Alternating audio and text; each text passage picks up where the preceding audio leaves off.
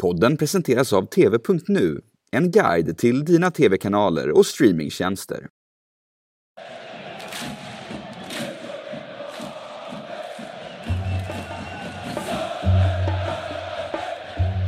I takt med att samhället öppnat upp och vardagen för många mer och mer liknar den som var före coronapandemin så har några gamla konflikter också blossat upp. Inte minst den mellan stora delar av fotbollssverige och polisen. Bråket om den så kallade villkorstrappan. Mitt namn är Patrik Syk och för att reda ut vad villkorstrappan är och varför situationen blivit så infekterad har jag dels talat med Stefan Hector, operativ chef på polisens nationella operativa enhet NOA, men också Aftonbladets Oshin Cantwell som kritiserat polisens strategi, men som får börja med att reda ut sin egen sits i det här. Jag är fotbollssupporter. Eh, jag går på AIKs matcher. Det är väl lika bra att inleda med att berätta det, att det föreligger någon slags jävssituation, att jag inte är objektiv eller neutral i, i detta. Och det stämmer också att jag skrev om det här i eh, förra veckan. Med fotbollen är det ju som så att Eh, Eh, det har varit en hel del, historiskt en hel del problem på läktarna. Eh, våld, bråk, rasism, eh, homofobi, sexism och så vidare. Det har blivit väldigt, väldigt mycket bättre. Det är fortfarande inte perfekt, men det har blivit väldigt, väldigt mycket bättre. Så vad innebär då egentligen det som oftast kallas villkorstrappan? Ja, det var ju någonting som eh, i grund och botten förhandlades fram mellan svensk fotboll och eh, polisen 2014, 2015 och eh, de första åren användes den på ett ganska vettigt sätt. Eh, eh, något förenklat går den ut på att ordningsstörningar, det kan vara begaler, det kan vara annat, eh, kan leda till sanktioner i form av eh, eh, exempelvis publikneddragningar. Eh, det här funkade bra de första åren men 2019 så bestämde sig plötsligt polisen för en eh, betydligt mer offensiv taktik och detta utan att diskutera med, eh, med svensk fotboll. De har blivit mycket tuffare, det är bengalbränning och andra, annan pyroteknik de är ute efter. De, de eh, drar ner eh, publikkapacitet, framförallt kanske på Stockholmsmatcher, men inte bara i Stockholm. Och det här har lett till en väldigt tråkig konfrontativ stämning mellan å ena sidan polisen och å andra sidan svensk fotboll och supporterkulturen. Så hur är stämningen på svenska läktarna egentligen? Stefan Hector, operativ chef på NOA, får börja med att ge en lägesbeskrivning och hur han ser på polisens strategi. Det mesta tycker vi går bra. Vi ser väldigt lite våld på våra arenor. Vi ser att de flesta arrangörerna, den stora majoriteten, arrangerar säkra arrangemang. Eh, det är några arrangörer som sticker ut. Eh, därmed inte sagt att de skulle vara sämre, eh, men eh, det kan också vara så att de har svårare förutsättningar.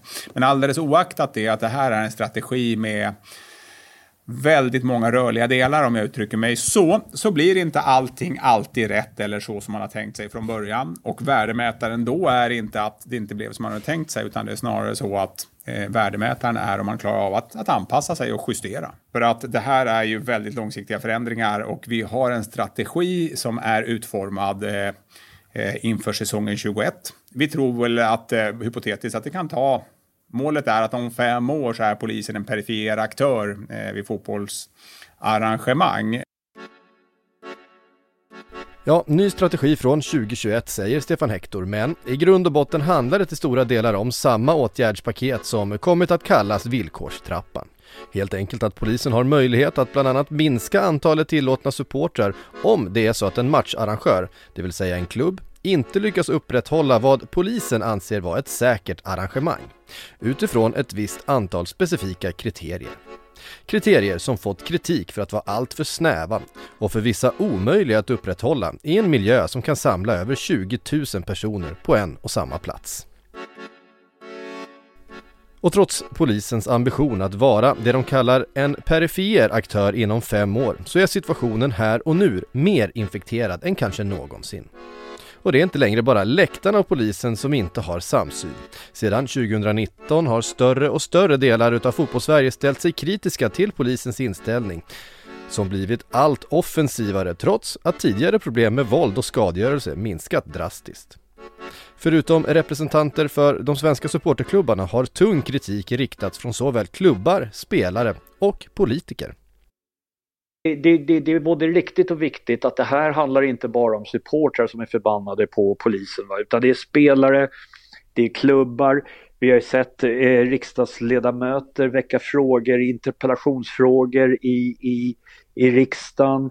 Eh, vi har sett motioner skrivas, vi har sett allt från Vänsterpartiets eh, eh ledare till nu senast Sverigedemokraternas ledare Jimmy Åkesson eh, eh, ifrågasätta det här. Och, eh, så det, det, det, det, det, finns ett, ett en eh, bred kritik mot polisen.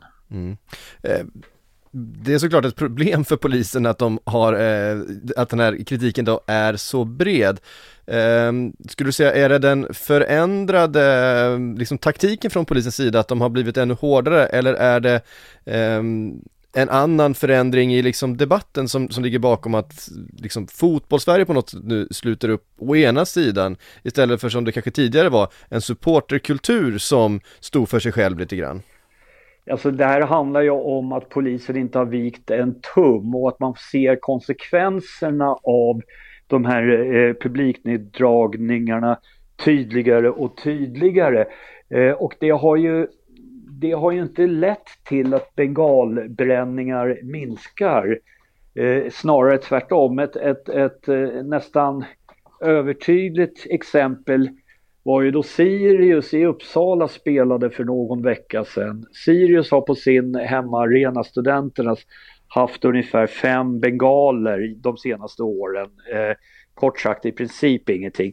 Då bestämmer sig polisen för att då ska de införa förbud mot stora flaggor på läktarna för de hävdar att det går att gömma bengaler eh, bakom, eh, bakom dessa flaggor. Alltså eh, kort sagt liksom någonting som knappt ens existerar. Det finns inga medal, bengaler i princip på Sirius läktare. Eh, men ja, flaggförbud infördes. Eh, publiken, hemmapubliken hämnades genom att plötsligt brassa av ett 40-tal bengaler. Alltså bra mycket mer än vad den där läktaren någonsin har upplevt. Och i efterhand gick polisen ut och sa att, att Eh, ja, det här var inte så lyckat och eh, ja, det, det är lätt att hålla med om det.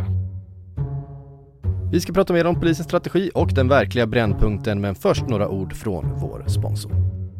Filmkvällen du sett fram emot ska precis börja, men du kan inte minnas vad du skrev ner din kompis filmtips. När du äntligen hittat en annan film att se visar sig IMDB-betyget bara vara 3,7 och allt börjar om igen.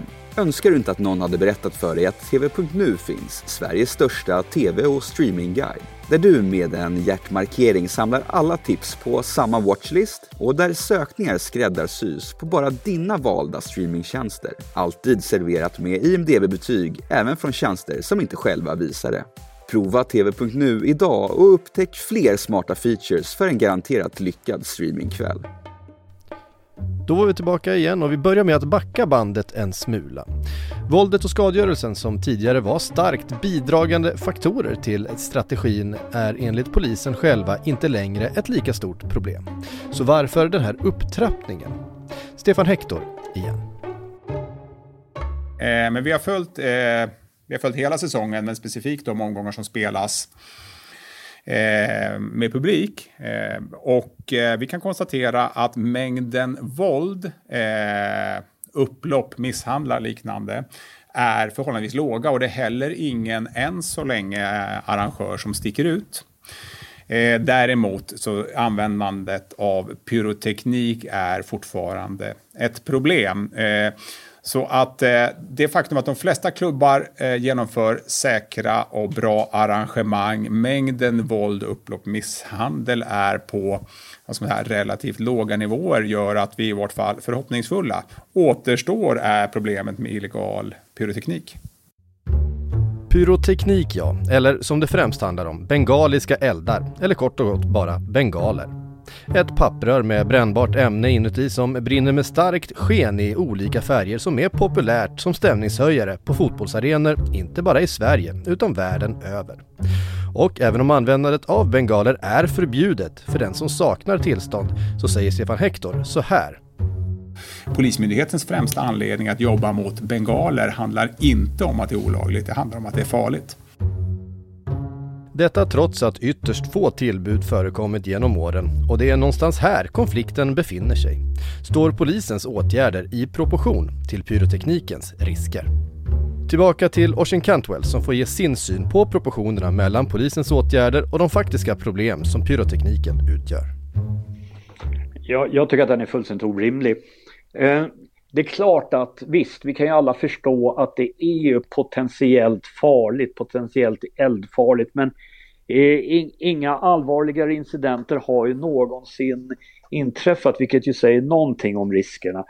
Eh, och vi kan konstatera att eh, som taktik för att minska antalet bengaler har ju varit direkt kontraproduktivt. Alltså det är fler bengaler än någonsin. Sen så hävdar ju nu också polisen att, eh, att det egentligen inte är en, en, en fråga om bestraffning mot ordningslagen och där kan man nog ta polisens retorik med en nypa salt. Men okej, okay, om vi köper eh, dessa påståenden ett ögonblick, att det, bara, att det snarare handlar om eh, säkerhet, eh, då är det så att det här stundande derbyt nu i helgen AIK-Djurgården så har ståplatssektionen blivit neddragen från 5-6 tusen till drygt 2 tusen. Av säkerhetsskäl säger polisen. Samtidigt har räddningstjänsten tidigare bedömt att eh, eh den här ståplatsläktaren kan ta drygt 5 tusen åskådare och eh, ändå ska man kunna evakuera under, ett säkert, säkert, under säkra förhållanden. Och då kan man fråga sig vad är det polisen vet om det här som inte brandkåren vet? Hur borde det, kan du tycka, påverka polisens agerande? Ja, de borde ju naturligtvis eh, först och främst överge den här konfrontativa eh, taktiken och eh, återupprätta den dialog som fanns med de svenska klubbarna fram tills eh, för ett par år sedan. Det är en väldigt olycklig situation det här. Sen är det naturligtvis så att man måste ställa krav på supportrarna också. Vi ska komma ihåg att klubbarna lägger ner väldigt mycket pengar och tid. De anställer matchvärdar, funktionärer och så vidare för säkerheten på arenorna. Va? Men trots det så smugglas de här eh, eh, fyrverkerierna in. Det är klart att man måste kunna ställa krav på supportrarna också. Att, att, eh, att de lugnar ner sig, att de, att de lägger ner det här med eh, eh, bengalerna om, om, om, om, om, det nu är polisens krav. Därför att eh, i en situation, om man ska lösa en konflikt va, så måste båda parter bjuda till. Ja, samarbetet mellan matcharrangörer och poliser har inte gått helt smärtfritt den senaste tiden, men enligt Stefan Hector finns i alla fall en samsyn mellan polisen och svensk elitfotboll, elitklubbarnas egen intresseorganisation. Eh, vissa frågor är vi helt överens, som till exempel att eh, pyroteknik inte hör hemma på en läktare. Där är både svensk elitfotboll och Polismyndigheten rörande överens. Vägen att nå dit kan vi ha olika synpunkter. Jag tror att de ger uttryck för att vi är för, eh, säga, vi använder villkorsgivningen för mycket och eh, det kan vara ett område där man inte delar samma bild. Så att somligt är vi överens om, somligt är vi inte överens om. Vi pratade om proportioner tidigare. Finns det eh, problem med proportionen mellan diskussionen, insatsen och det faktiska problemet som bengaler faktiskt utgör? Jag tycker frågan är bra för att eh, det finns ju om, om en, en, objektiv omständighet som skulle kunna vila på att bengaler är varma, det kan börja brinna, det kan bli farligt. Om man säger liksom den kedjan. Eh, och de sådär, objektiva omständigheterna som gör så, ja men då ska vi försöka förhindra att de kommer in genom visitationer eller om det är möjligt att egentligen ta ifrån människor bengaler. Eh, om man sen, eh, och det offentliga samtalet, det skulle jag säga, det drivs inte nämnvärt av polisen. Och lite grann skulle jag vilja också säga att att vi har säga, ett ordningsläge som ändå är helt okej. Okay, vänta, som ändå är helt okej. Okay. Eh, gör ju inte att det enda problemet som är kvar är bengalerna, utan vi, gör ett, vi och då menar jag vi och klubbarna gör ett hårt arbete för de här arrangemangen, både polisiärt och arrangörer och andra. Eh, så det är inte så att det bara är bengaler som är problemet, utan vi hanterar väldigt mycket i arbetet. Det återstår och eh, frågar du mig så får bengaler, ett opro, bengaler och tillstånd får ett oproportionerligt stort utrymme i det offentliga samtalet. Ändå så är det ju det som du själv har återkommit till flera gånger idag här som är det främsta problemet. Eh, det som ni har i första hand mm. hanterar. Det, det får ganska stora proportioner ändå som går ut över väldigt stora delar av den här verksamheten och den här kulturen. Är det någon annan myndighet som ska avgöra hur farligt bengaler är? Ni har ju gjort egna tester också så att det är även polisen som gör den bedömningen. Eh, beträffande bengalers farlighet så lutar vi oss på expertmyndigheter. Även om vi har gjort en del rudimentära tester så är det expertmyndigheter som, som gör bedömningar huruvida bengaler är farligt eller inte. Och så länge de är förbjudna utan tillstånd så kan vi utgå från då att de är farliga. Medverkande i det här avsnittet var Oshin Cantwell, nyhetskolumnist på Aftonbladet och Stefan Hector, operativ chef för nationella operativa enheten NOA. Mitt namn är Patrik Syk och det här är Aftonbladet Daily. Vi är tillbaka med ett helt annat ämne på måndag, men till dess önskar vi en trevlig helg. Du har lyssnat på en podcast från Aftonbladet. Ansvarig utgivare är Lena K Samuelsson.